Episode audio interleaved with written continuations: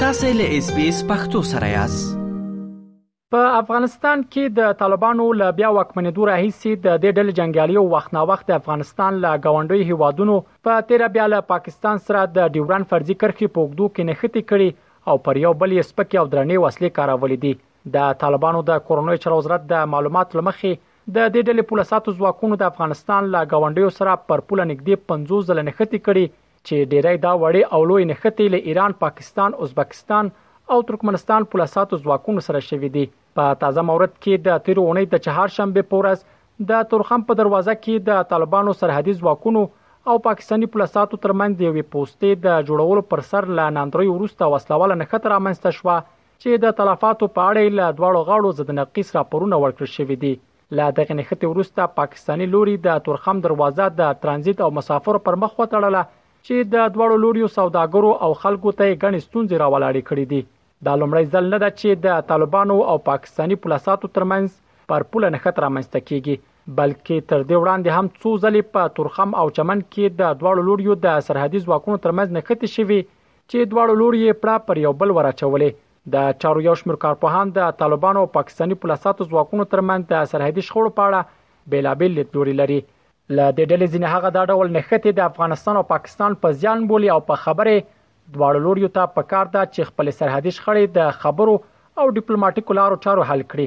د چارو شنونکي جاوید مومند له اس بي اس راډیو سره په خبرو کې که څه هم د دا ډول شخړو پړه پر پاکستاني لوري اچوي، خو جګړه د هیڅ لوري په ګټه نه بولي او په وینا یې ځکه چې په اوس وخت کې دواړه لوري له سخت اقتصادي او سیاسي انزوا سره مخ دي. اوس یې وخت دی را رسیدلی دی چې پاکستان هم په دې پوه شي چې افغانستان یو داسې ګاونډی ده چې د مداخلې، د شخړو د تاوتریخوالي او نیابتي جګړو په ګرمیدو سره هیڅکله وخت اهدافو ته د خپل نشي رسیدلی. یو باثباته افغانستان د ګاونډیو په ګټه ده نو. اسلامي امارت ته هم پکار ده چې د دې خبرو اترو له لارې باید دا مسله حل کړي نو د دې لپاره چې افغانستان یو فقیر هیواد دی او موږ ته تاوانونه ډیر را رسیږي دا باید د خبرو اترو له لارې دواړه هیوادونه د ډیپلوماټیک اړیکو له لارې حل او فصل شي غیر لغه نه بل حل لاره نشته ده او جګړه د هیڅ یو هیواد په ګټه نه ده ځکه چې پاکستان اقتصادي او سیاسي بحران کې ده پاکستان ګوري چې په کوم حالت کې روان دی افغانستان هم دلته تاسو ګوري په سیاسي انزوا کې او بل اخره فقر سره مخامخ یسو نو په ټوله کې باید دغه مسله د ډیپلوماټیک لارو نه حل شي غیر لغنه دواړو هیوادونو په تاوان او په ضرر دی بلخوا د طالبانو د بهرنی چارو وزارت په یو اعلامیه کې د تورخم په دروازه کې پر افغان پولیساتو ځواکونو د برید ملامتیا پر پاکستان اچولې او دا کړنه د ښه غونډیتوب پر خلاف بللې د بهرنی چارو وزارت په خبرپاڼه کې د دواړو لوريو ترمن د ډیپلوماټیکو خبراتو لارې د ستونزې په هواري ټینګار کړی دی خو د چارو شنونکي فضل الرحمن اوریا بیا دا ډول موضوعات له ډیپلوماټیکو لارو د حل وړ نه بولی او په خبره د پاکستان حکومت د دې هیواد له پوځیانو سره دی او د هغوی په او هغوی په ډیپلوماسي باور نه لري خاغلی اوریا له اس بي اس رادیو سره په خبرو کې د دغه ډول ستونزو د حل یوازنی حل لار په پاکستان کې له پوځ څخه سیاسونو ته د واک سپارل بولي. دغه ډول موضوعات د دیپلوماتیکو لارو نه حل کیږي، ځکه چې پاکستان کې حکومت له نظامیانو سره ده او نظامیان په دیپلوماسي باندې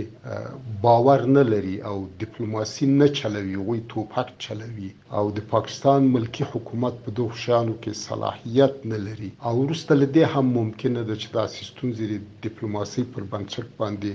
حل شي، نو د پاکستاني نظامیانو په موجودیت کې به دغه ستونزې دوام پیدا کوي، نو یوازینۍ لاره د حل دا ده چې. پاکستان کې نظامیان په ځانګړي ډول پنجابي جنرالان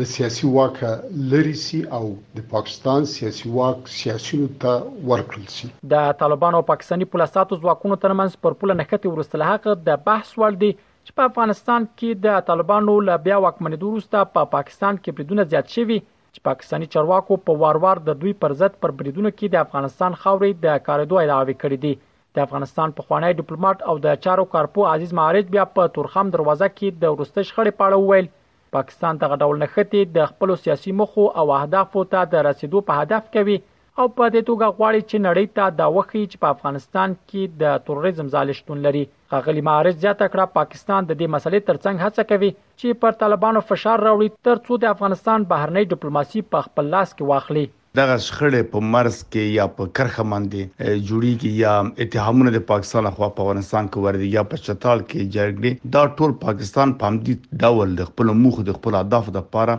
جوړي دا دوی پروژې دي دا تر سره کوي ځکه دنیا ته ښیي چې زه له افغانستانه متضرم افغانستان تروریزم ځالي دي او غواړي چې نړۍ ته وښیي چې ما ته ماموریت راکړه او چې زه دا مهار کوم یعنې په دې کې خپل غواړي کمیشن وترلاسه کړي بل خپله ملامتي د تروریزم هم غواړي چې په افغانستان باندې وچ او کورنۍ مشکلات یې هم څه دي، هغه هم غواړي د خلکو پام بلې خوا ته کړي او وروستۍ موخه یې دا ده چې غواړي په افغانستان حکومت باندې فشار هم راوړي تر څو چې دوی د پاکستان تابعدار وي او پاکستان غواړي چې دلته افغانستان کې بهرنی سیاست په خپل لاس کې واخلي ځکه دا فشارونه او دا ډرامې او داسې پروژې جوړوي. افغانستان او پاکستان په خپلو کې دوه زره او شپږ سوه کیلومتره ګډه پوله لري چې د دواړو هېوادونو ترمنځ وخت ناوخت شخړې رامنځته شوي چې دواړه لوري یې پړه پر یو بل اچوي